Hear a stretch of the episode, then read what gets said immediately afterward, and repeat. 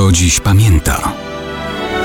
Datownik historyczny prezentuje Maciej Korkuć.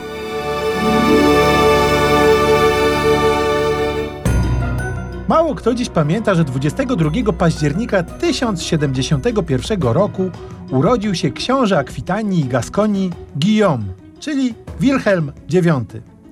Był typowym władcą ówczesnej epoki, ale wyróżniał się jednym zamiłowaniem do poezji. Przeszedł do historii jako jeden z pierwszych trubadurów. Władcą Akwitanii został jeszcze jako nastolatek. Panował przez bite 40 lat. Żenił się dwukrotnie. Od kochanek nie stronił.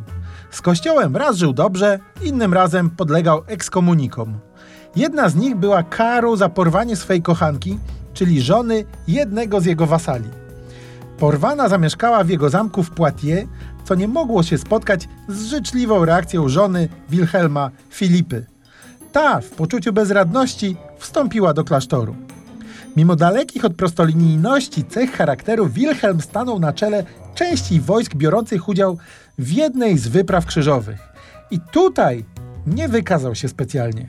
Zanim dotarł do Mahometan, dał się we znaki bizantyjskim chrześcijanom, dość bezwzględnie rabowanym przez krzyżowców pod jego dowództwem. Może więc karą boską była klęska pod Herakleą, kiedy Wilhelm i jego rycerze wpadli w zasadzkę niewiernych. Należał do nielicznych, którzy z tej wyprawy powrócili. Taki to był niezbyt natchniony żywot pierwszego władcy Trubadura.